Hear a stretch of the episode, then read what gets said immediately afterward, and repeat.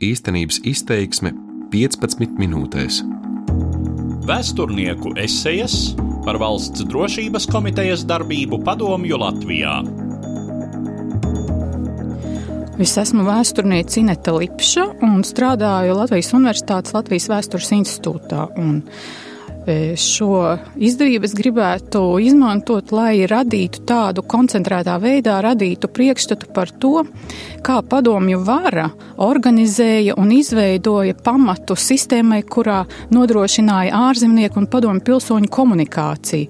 Es to varētu nosaukt par padomju kontrapropagandas institucionālās ainavas izveidi, kas principā tika izveidota līdz 72. gadam.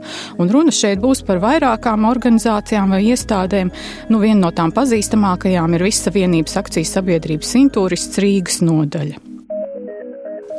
Nu, intensīva darbošanās šajā virzienā sākās pēc Padomju Savienības komunistiskās partijas centrāla komitejas ģenerālsekretāra Josifa Staļina nāves, kad Padomju Savienība kļuva ar vien pieejamāk ārzemniekiem.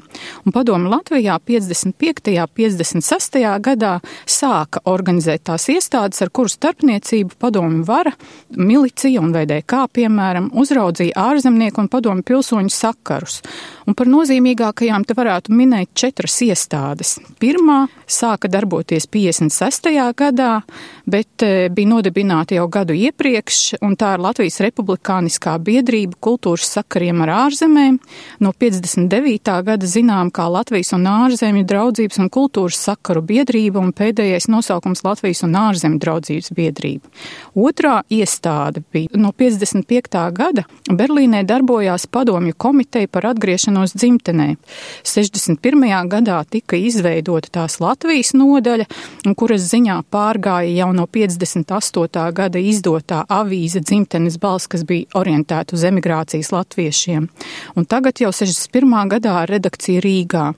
Un 64. gadā, pēc arī tādām modifikācijām uz šīs organizācijas iestādes bāzes, tika izveidota slavenā komiteja kultūras sakariem ar tautiešiem ārzemēs, mūsdienās vairāk atpazīstama kā kultūras sakaru komiteja.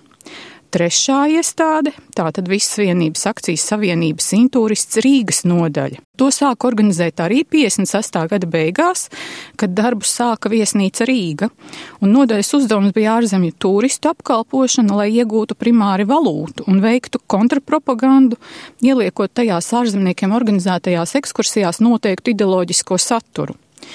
Intūrista Rīgas nodaļa bija kanāls, caur kuru VDK uzraudzīja ārzemju turistus, galvenokārt etniskos turistus, jeb trimdas latviešus.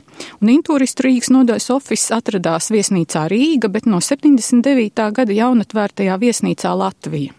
Un visbeidzot, ceturtā no šīm nozīmīgajām iestādēm bija Rīgas starptautiskais jūrnieku klubs, pazīstams kā Interklubs, ko darbam ar ārzemju jūrniekiem sāk organizēt 57. gadā.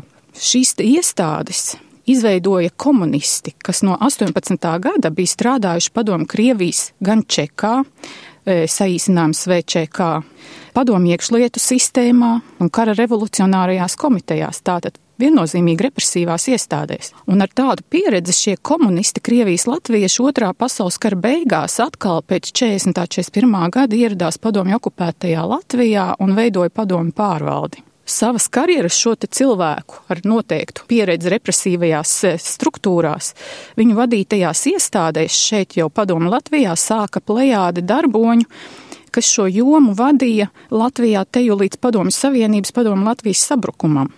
Un viņi bija pārsvarā vietējie latvieši, tāda jaunākā paudze, kas dzimusi 20. gadu otrajā pusē, 30. gados, un ar PSRS ārlietu ministrijas un Latvijas kompartijas centrāla komitejas propagandas un aģitācijas nodaļas dresūri, ja tā varētu teikt. Respektīvi, viņi paši nebija piedalījušies tāda veida represijās kā šie lielie tēvi dibinātāji, ja mēs to tā varētu teikt. Runājot par sociālpolitisko kontekstu, kopš 55. gada paralēli minēto institūciju izveidēji problēmas, kuras padomju varai radīja ārzemnieku, piemēram, jūrnieku ielaišana Rīgas publiskajā telpā. Vara mēģināja pārvarēt eh, ar iekšlietu un drošības iestāžu palīdzību. Un ko tad nozīmē tāda lielāka ārzemnieku skaita ielaišana pilsētā? Tā bija iespēja eh, sarunāties padomu pilsoņi nebija kautrīgi, un viņi pat taisno devās klāt šiem te ārzemniekiem un mēģināja uzsākt sarunu par to, kāda ir dzīve tur. Viņiem vaicāja, kā ir šeit, un tas bija tas, ko padomju vara vairs nevarēja kontrolēt, bet tā vēlējās to darīt, kontrolēt. Nu, pirmais gadījums tādai ilustrācijai bija Zviedrijas kara kuģa jūrnieku uzturēšanās Rīgā 56. gada augusta sākumā. Un Rīgas pilsētas milicijas darbinieki bija aizturējuši vairākus cilvēkus, kuri pēc viņu domām bija pārkāpuši sabiedriskās uzvedības normas. Nu, piemēram, ko tas nozīmē? Kāds Rīgas kino studijas darbinieks trīs reizes bija centies iekļūt Zviedrijas kuģī, un katru reizi viņi tie miliči bija vilkuši laukā. Divas jaunietes savukārt savukārt bija aizturēts par to, viņas bija iebraukušas tajā Krasnolas teritorijā automašīnā pa bēda jau kopā ar zviedru jūrniekiem, kuri tātad jau pilsētā bija taksi nofraktējuši, un viņas tiem jūrniekiem bija stāstījuši, ka Latvija atrodas zem Krievu nacisma un lūgušas nodot sveicienu Zviedrijas karalim.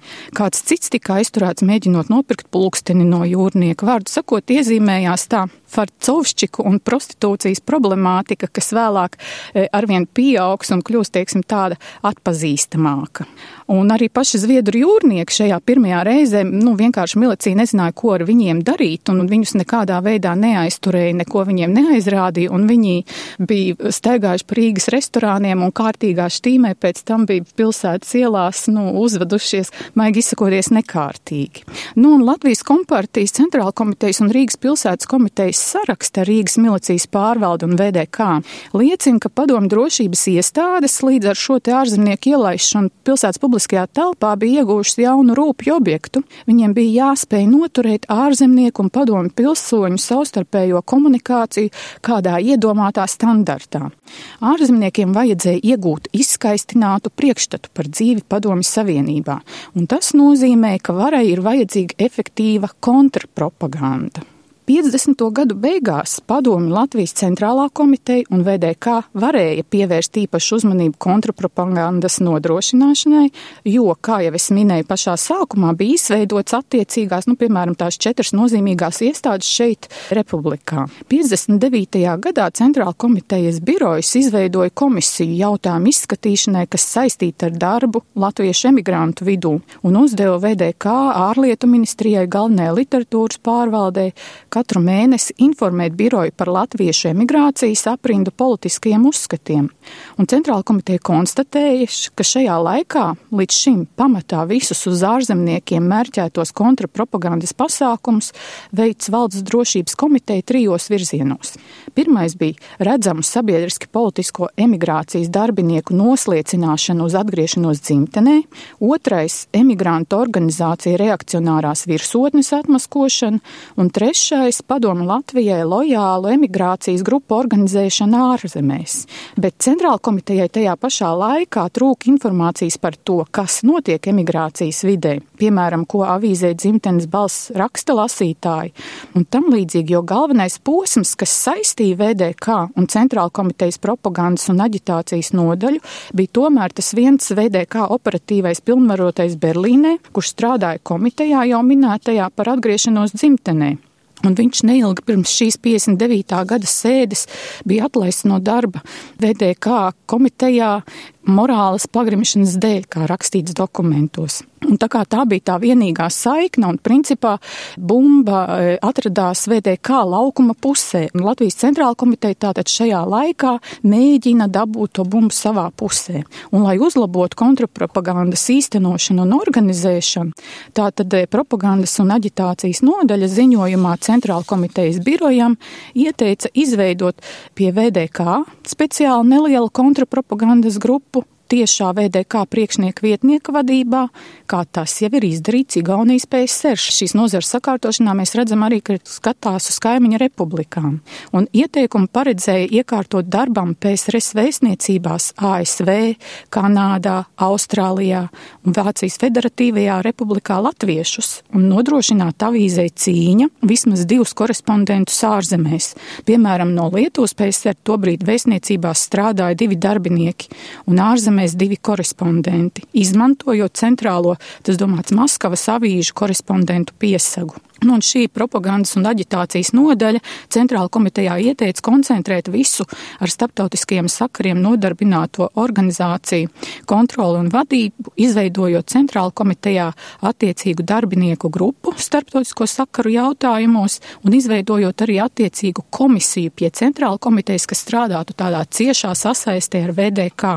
Centrāla komitejas biroja locekļi šajā sēdē ideju atbalstīja un viņi vienojās, ka nepieņemama ir situācija, kurā centrāla komiteja locekļi neiegūst informāciju no kompetentiem avotiem par to, ko par viņiem katru nedēļu it kā runājot Amerikas balsī un BBC, bet uzzina par to tā teikt centrāla tirgū. Un tas arī liecina par to, ka šajā te 50. gadu beigās, 60. gadu sākumā vēl tā kontrole pār kontrapropagandas jomu e, lielā mērā atrodas VDK ziņā un tā pati dozē informāciju, ko sniegs šai te Latvijas centrāla komitejai. 60. gadā centrāla komiteja tā tātad izveido kontrapropagandas komisiju. Un plāna izstrādātājs prognozēja, ja mēs šos pasākumus apstiprināsim, šis darbs notiks. Un VDK un Centrāla komitejas saraksta liecina, ka tas darbs tiešām notika. Tieši šajā laikā tātad CK ļoti noteikti pārņem kontroli un tā kļūst par institūciju, kurai jau VDK lūdz akceptu virsnieku komandēšanai darbam PSRS diplomātiskā dienesta piesagā. Piemēram, no 60. līdz 62. gadam valsts drošības komiteja lūdza centrāla komitejas piekrišanu komandēt septiņus VDK operatīvos pilnvarotos virsniekus uz Vācijas Federatīvo republiku, uz Zviedriju, uz Berlīni, uz Ņujorku, Ameriku, uz Lielbritāniju, uz Kanādu un vēlreiz uz Zviedriju. Un šajā ziņā mēs varētu pieminēt, eh, piemēram, divus vārdus, kas ir saistīti arī pēc tam vēlāk līdz pat padomu Latvijas sabrukumam, iesaistīti šajā te kontrapropagandas institucionālā ainavā kā tādi smagi spēlētāji. Tad viens ir tātad eh, VDK operatīvais pilnvarotais Jānis Vaivots, kuru Latvijas kompartijas centrāla komiteja komandēja uz Berlīni darbam komitejā par atgriešanos dzimtenē jau jau minēto, un otrs e, Jānis Brolišs, kurš gan ir Latvijas kompartijas Limbaža rajona komitejas tobrīd otrais sekretārs. Un tad centrāla komiteja rīkojas tā, ka viņi pieņem vispirms lēmumu nosūtīt viņu VDK rīcībā, un pēc dažām nedēļām centrāla komiteja pieņem VDK priekšlikumu komandēt viņu atašēja darbā PSRS vēstniecībā Zviedrijā. Tātad šis te varas sadalījums jau lielā mērā šajos piemēros parādās. Nu, centrāla komitejas biroja vadošo lomu lomu demonstrē fakts, ka pat vienā sēdē, piemēram, 61. gada jūlijā, tika sadalīti vai, kā saka, iecelti amatos e, trīs amatpersonas, kas uzraudzīs ārzemju turismu.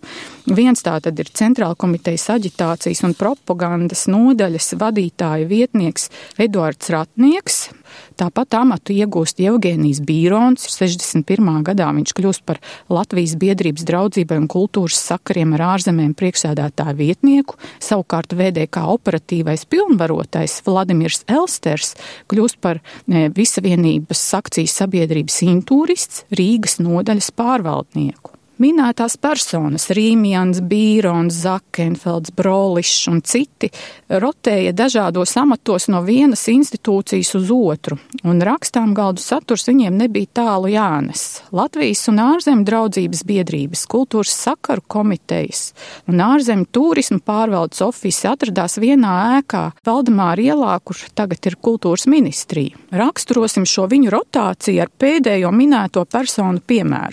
Piemēram, 66. gadā viņi strādāja intūrists Rīgas nodaļas vadībā. Elsters bija pārvaldnieks, ratnieks, tātad intūristu uzdraugošās ārzemju turismu pārvaldes priekšnieks, bet Bīrons bija priekšnieka vietnieks. Un 72. gadā cekas cilvēkam, pārvaldes priekšniekam, tātad ratniekam, vismaz formāli pakļāva VDK virsnieku, izveidojot speciālu pārvaldes priekšnieka palīga amatu. Un par pirmo ārzemju turisma pārvaldes priekšnieka palīgu tika iecelts jau minētais VDK virsnieks Jānis Vaivots, kas savulaik bija strādājis komitejā par atgriešanos dzimtenē.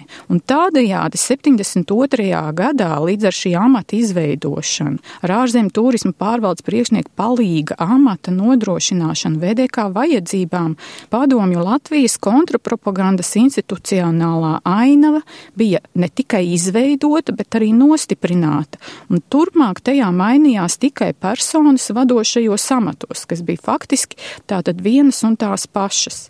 Bet viens viņus vienoja pilnīgi noteikti, un tā bija piederība Padomu Savienības komunistiskajai partijai un darbošanās ciešā sasaistē ar VDK pārdomās par padomju kontrpropagandas institucionālās ainavas izveidi padomju Latvijā, par Visavienības akcijas sabiedrības Intūris Rīgas nodaļas un citu nozīmīgu iestāžu izveidi un vadīšanu ar jums dalījās vēsturniece Ineta Lipša.